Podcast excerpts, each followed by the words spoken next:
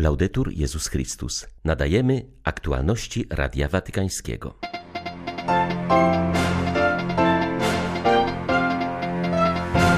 Papież złożył Polakom życzenia świąteczne, mówił o hojności, z jaką przyjęli do swych domów Ukraińców. Ogromnym sukcesem cieszy się watykańska zbiórka na zakup odzieży termicznej dla mieszkańców Ukrainy. Zorganizował ją kardynał Konrad Krajewski, który zawiózł już potrzebującym pierwszą partię odzieży oraz generatory prądu.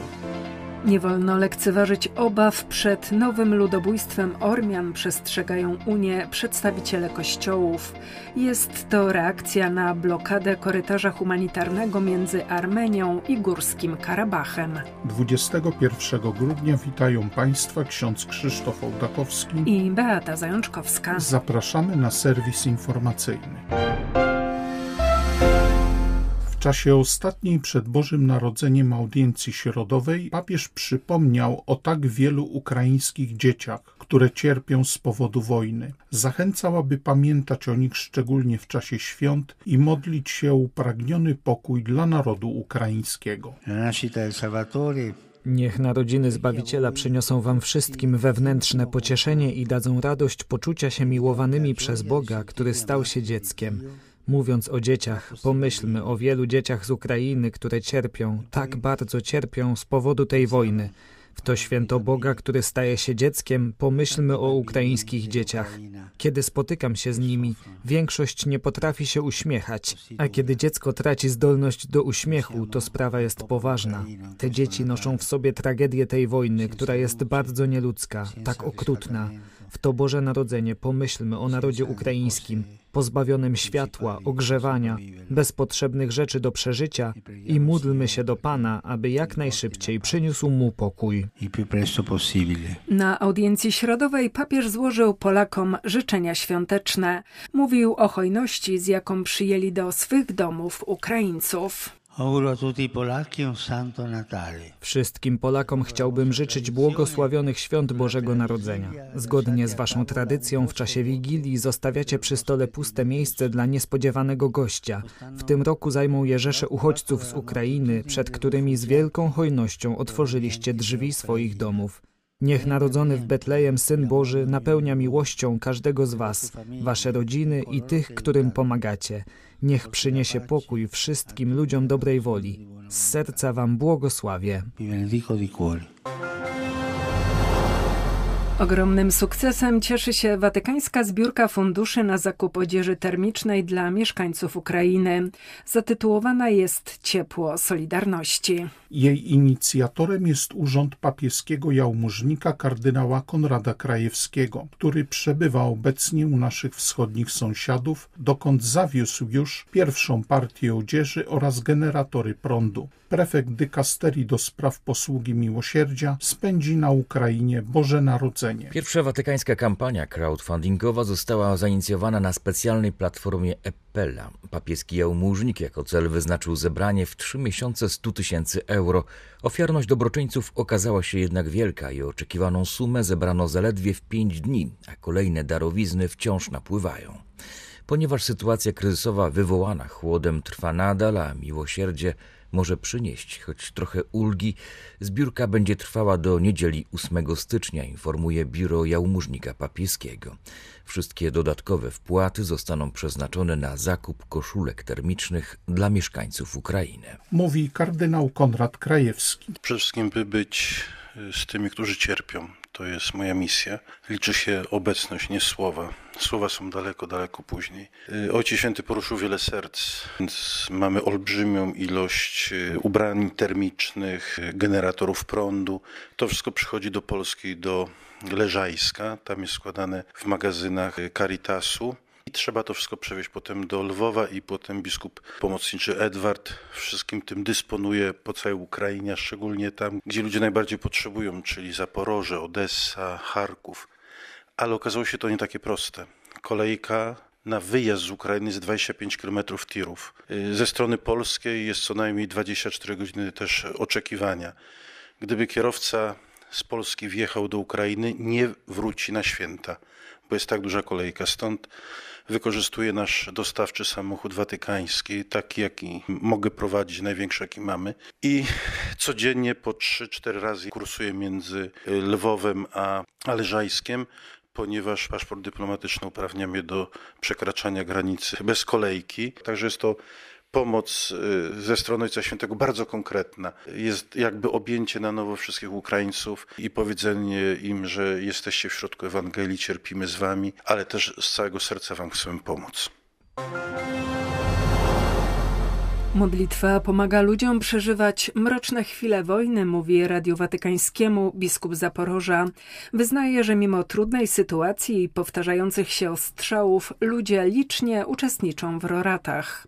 Choć na tych terenach to już kolejny wojenny adwent, to jest on trudniejszy, bo linia frontu leży dużo bliżej niż w minionych ośmiu latach, podkreśla biskup Jan Sobiło. Jak wskazuje hierarcha, rytm przygotowań do świąt wyznacza między innymi brak światła. Wiele osób mówi, że gdy jest ciemno i zimno, chwytają za różaniec oraz powierzają się Bogu, mówi biskup Sobiło. W Zaporożu przygotowujemy się przede wszystkim przez roraty, przez przygotowanie tych, którzy jeszcze niedawno nie chodzili do kościoła i pojawili się ze względu na wojnę i przygotowujemy ich do spowiedzi, do Komunii Świętej.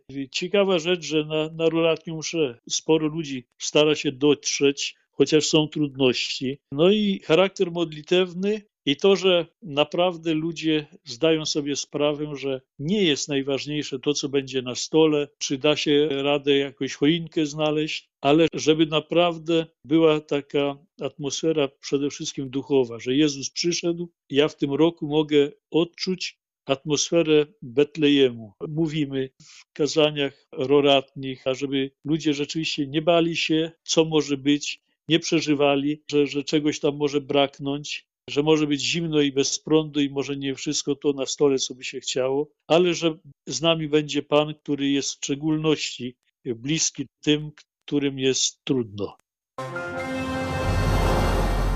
W obwodach ługańskim i donieckim linia frontu praktycznie płonie z powodu walk oraz rosyjskich ostrzałów. Równocześnie agresor atakuje również rakietami, dronami czy bombami cywilne punkty. Tylko zeszłej doby Hersoń znalazł się na celowniku 71 razy. Mimo zaciekłości okupantów, ukraińskie wojsko wyzwala kolejne terytoria swojej ojczyzny. Ale cenę za to wszystko stanowi niesamowity wysiłek, ludzkie ofiary, pot i krew naszego narodu, przyznał w codziennym orędziu arcybiskup Światosław Szewczuk.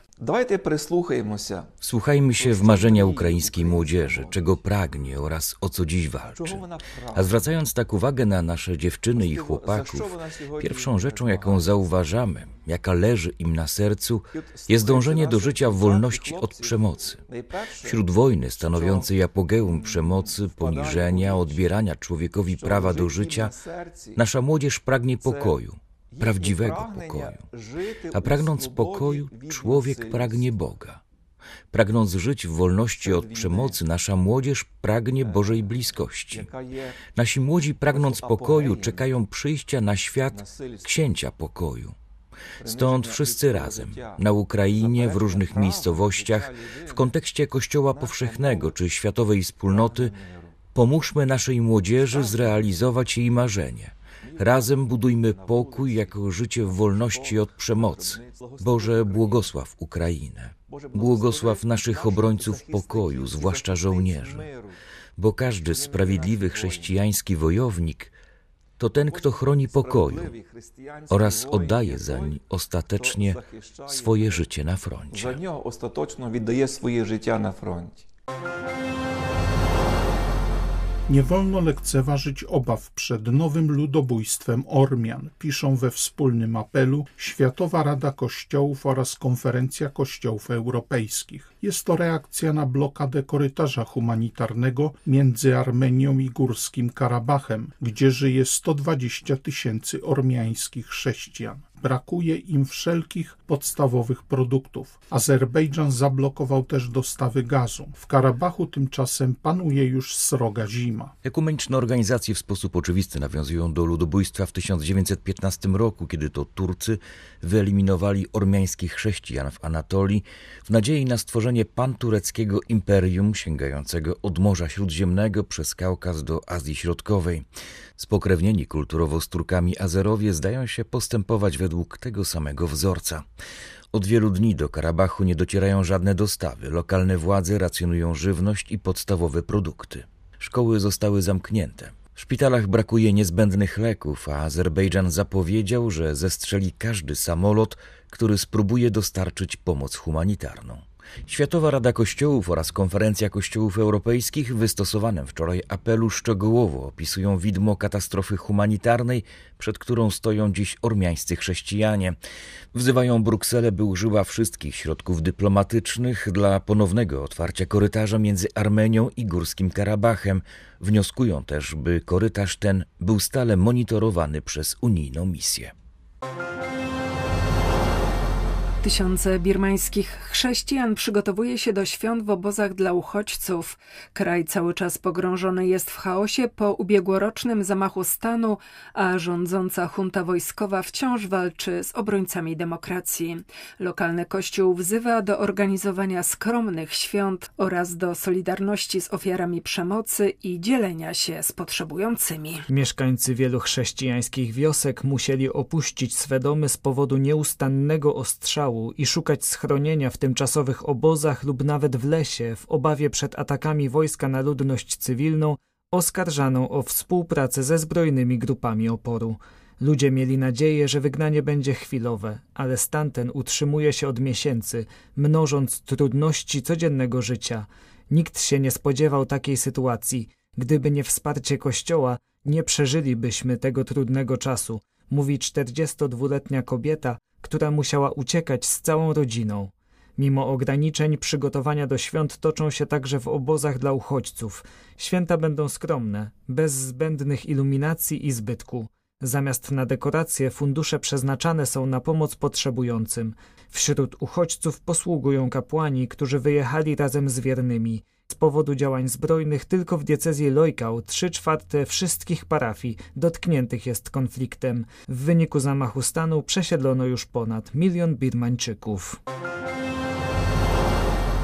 Potrzeba nam obudzić nadzieję wśród wielu ciemności i rozpaczy. Obecność Jezusa pośród nas jest źródłem radości, której nic i nikt nie może nam odebrać. Tymi słowami kubańscy biskupi zachęcają wiernych do owocnego przeżywania Adwentu. Wyspa pogrążona jest w kryzysie. Tegoroczny adwent na Kubie naznaczony jest przede wszystkim masowym eksodusem Kubańczyków, szczególnie osób młodych. Wiele rodzin doświadcza rozłąki z powodu wyjazdu jednego z małżonków, podczas gdy druga strona nie chce pozostawić bez opieki rodziców w podeszłym wieku i decyduje się na pozostanie na wyspie.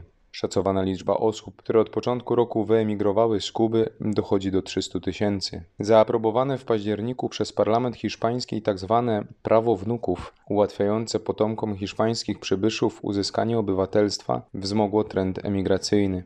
Kancelarie parafialne przeżywają prawdziwe oblężenie, gdyż Kubańczycy próbują udokumentować swoje hiszpańskie korzenie na podstawie ksiąg parafialnych.